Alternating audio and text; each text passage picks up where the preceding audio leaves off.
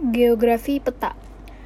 Definisi peta menurut International Cartographic Association atau ICA itu adalah um, gambaran atau representasi unsur-unsur kenampakan abstrak dari permukaan bumi yang ada kaitannya dengan permukaan bumi atau benda-benda angkasa dan umumnya digambarkan pada bidang datar secara diperkecil atau diskalakan. Oh iya, ICA ini adalah lembaga kartograf seluruh dunia. Lanjut, menurut Badan Informasi Geospasial atau BIG, BIG ini adalah lembaga pemerintah non-kementerian Indonesia yang bertugas melaksanakan tugas pemerintah di bidang informasi geospasial. Sebelumnya namanya itu Badan Koordinasi Survei dan Pemetaan Nasional atau Bako Surtanal. Nah, menurut mereka, peta adalah wahana buat penyimpanan dan penyajian data kondisi lingkungan yang bisa difungsikan bagi perencanaan dan pengambilan keputusan dalam peningkatan pembangunan. Lanjut ke jenis peta. Berdasarkan sumber datanya itu ada dua, yaitu peta induk atau basic map dan peta turunan atau derived map. Peta induk itu adalah survei langsung di lapangan, terus bisa dijadikan acuan membuat peta lain. Kalau peta turunan, itu berdasar peta induk. Lanjut, ada juga berdasarkan isi data yang disajikan itu ada dua peta umum dan peta tematik kalau peta umum itu e, contohnya peta topografi atau kontur. Jadi gambaran bumi beserta reliefnya. Ada juga peta chorografi atau atlas itu bersifat umum. Ada juga peta dunia. Peta umum yang berskala sangat kecil dengan cakupan wilayah yang sangat luas. Kalau tematik ini peta khusus menggambarkan satu tema. Terus ada juga berdasarkan skalanya dibagi jadi lima. Itu ada kadaster, besar, sedang, kecil, dan geografis kalau peta skala kadaster itu skalanya 1 banding 100 sampai 1 banding 5000. Kalau besar itu skalanya 1 banding 5000 sampai 1 banding 250.000. Kalau sedang itu skalanya 1 banding 250.000 sampai 1 banding 500.000. Kalau kecil skalanya itu 1 banding 500.000 sampai 1 banding 1 juta. Kalau geografi skalanya itu lebih dari 1 banding hmm, 1 juta. Lanjut berdasarkan keadaan objek. Ada dua, peta dinamik dan peta stasioner. Kalau dinamik itu labil atau meningkat, contohnya peta transmigrasi dan urbanisasi dan aliran sungai. Kalau peta stasioner itu stabil atau tetap, contohnya peta tanah, geologi. Kalau berdasarkan bentuknya ada tiga, yaitu peta datar, peta timbul atau relief, dan peta digital. Kalau datar, jadi itu petanya dibuat pada suatu bidang datar kalau timbul atau relief itu petanya itu menggambarin menggambarkan objek seperti keadaan sebelumnya. Kalau peta digital itu petanya dibuat dengan bantuan teknologi komputer. Lanjut unsur-unsur peta. Jadi unsur-unsur peta itu bisa dilihat di gambar peta penggunaan lahan dan peta persebaran fasilitas. Nih, unsur-unsurnya yang pertama judul peta itu untuk mengetahui gambaran umum sebuah peta. Terus juga mata angin atau petunjuk arah atau orientasi itu untuk menunjukkan arah mata angin pada peta ada juga garis tepi itu adalah batas ruangan. Ada juga garis astronomi itu adalah lintang dan bujur. Terus ada simbol itu kayak titik garis dan area. Kalau titik itu ada gunung ibu kota provinsi kabupaten bandara pelabuhan dan stasiun. Dan banyak lagi. Kalau garis itu kayak sungai jalan rel kereta batas wilayah. Terus kalau area itu dia luas persebaran objek. Contohnya danau dan sawah Selain itu juga ada legenda, legenda. Ini adalah informasi pada peta berupa simbol.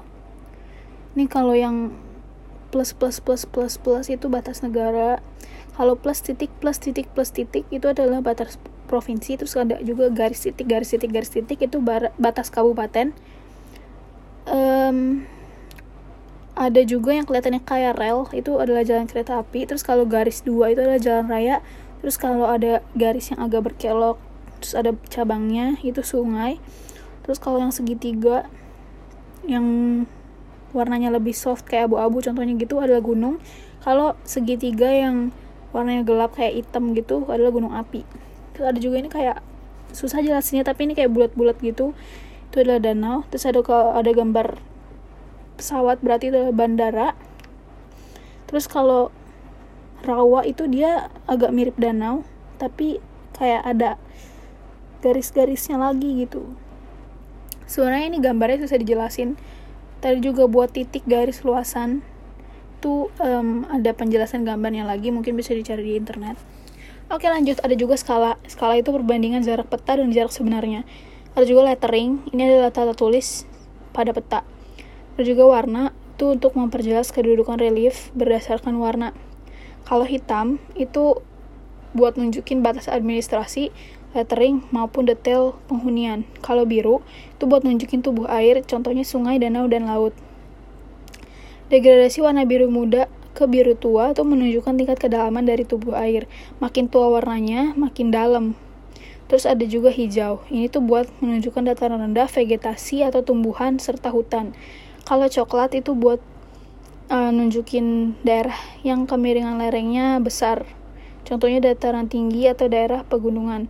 Kalau merah itu buat menunjukkan jalan raya atau untuk menunjukin letak kota dan ibu kota.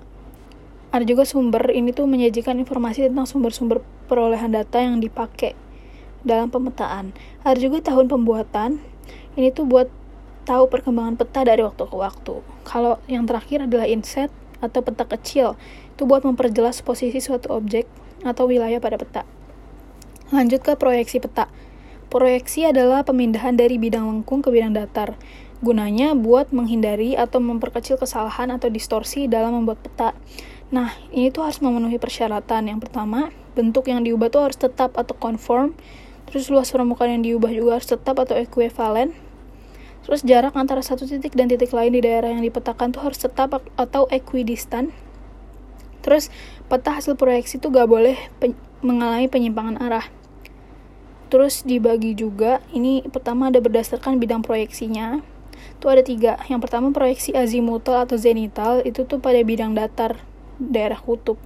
Terus kalau proyeksi kerucut itu proyeksi bentuknya kerucut daerah lintangnya 45 derajat.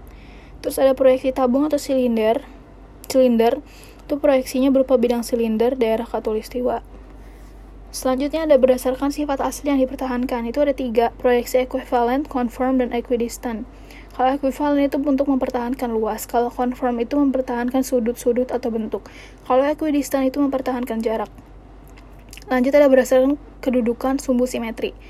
Dibagi jadi tiga itu proyeksi normal, miring atau oblik, dan transversal. Kalau yang proyeksi normal itu sumbu simetrinya berimpit dengan sumbu bumi. Kalau yang miring atau oblik, sumbu simetrinya itu menyudut terhadap sumbu bumi. Kalau yang transversal itu sumbu simetrinya tegak lurus sumbu bumi atau pada bina ekuator. Lanjut ada proyeksi gubahan. Itu ada lima. Pertama proyeksi Mercator. Jadi dia tuh melukiskan bumi di bidang silinder yang sumbunya berimpit dengan bola bumi. Ada juga proyeksi sinusoidal tuh dia menggambarkan sudut dengan sudut dan jarak yang tepat untuk me, untuk wilayah meridian tengah. Ada proyeksi Bond, itu gambarin sudut dan jarak yang benar pada meridian tengah serta paralel standar. Ada juga proyeksi Mollweed, itu punya ukuran yang sama luas hingga ke wilayah pinggir proyeksi di tiap bagian. Ada juga proyeksi homolografik, dia tuh adalah perbaikan kesalahan pada proyeksi Mollweed. Lanjut ke skala peta. Skala itu adalah perbandingan jarak pada sebuah peta dengan jarak di lapangan. Fungsinya buat mengetahui luas wilayah dan mengetahui jarak wilayah dengan wilayah lain. Macam-macam skala itu ada tiga, yaitu skala numerik atau angka. Contohnya 1 banding 500 ribu. Terus ada juga skala grafik atau tongkat, yaitu kayak susah ya dijelasin ya, soalnya ada gambar. Ya pokoknya grafik deh, atau tongkat. Nah, lanjutnya ada skala verbal. Jadi itu skala peta yang dinyatakan dalam bentuk kalimat. Lanjut, menghitung skala. Jadi yang pertama ada skala dua peta. Jadi penyebut skala yang dicari sama dengan jarak pada peta yang sudah diketahui skalanya dibagi sama jarak peta yang akan dicari skalanya dikali penyebut skala yang diketahui. Lanjut ada peta kontur. Eh sebelum lanjut, balik dulu ke skala 2 peta, rumusnya tuh kalau singkatnya P2 sama dengan D1 per D2 dikali P1. Selanjutnya ada peta kontur, itu rumusnya CI sama dengan 1 dibagi 2000 dikali N. Jadi buat penjelasannya, kontur interval itu sama dengan 1 dibagi 2000 dikali bilangan penyebut dari skala. Lanjut ada skala peta astronomis. Jadi 1 derajat itu sama dengan 111 km dan 15 derajat itu sama dengan 60 menit. Lanjut manfaat peta. Tujuan pembuatan peta itu yang pertama buat menggambarkan kenampakan suatu wilayah, terus menyampaikan informasi-informasi penting suatu wilayah, terus untuk analisis data spasial berdasarkan persebaran bentang alam, dan untuk perencanaan pembangunan. Kalau manfaat peta itu buat nunjukin lokasi pada permukaan bumi, menggunakan luas dan bentuk berbagai gejala alam dan manusia untuk menentukan arah dan jarak suatu tempat, menunjukkan topografi suatu tempat, menyajikan persebaran kenampakan alami dan non-alami, serta memungkinkan pengambilan simpulan dari data yang tersaji. Selesai buat geografi, semangat!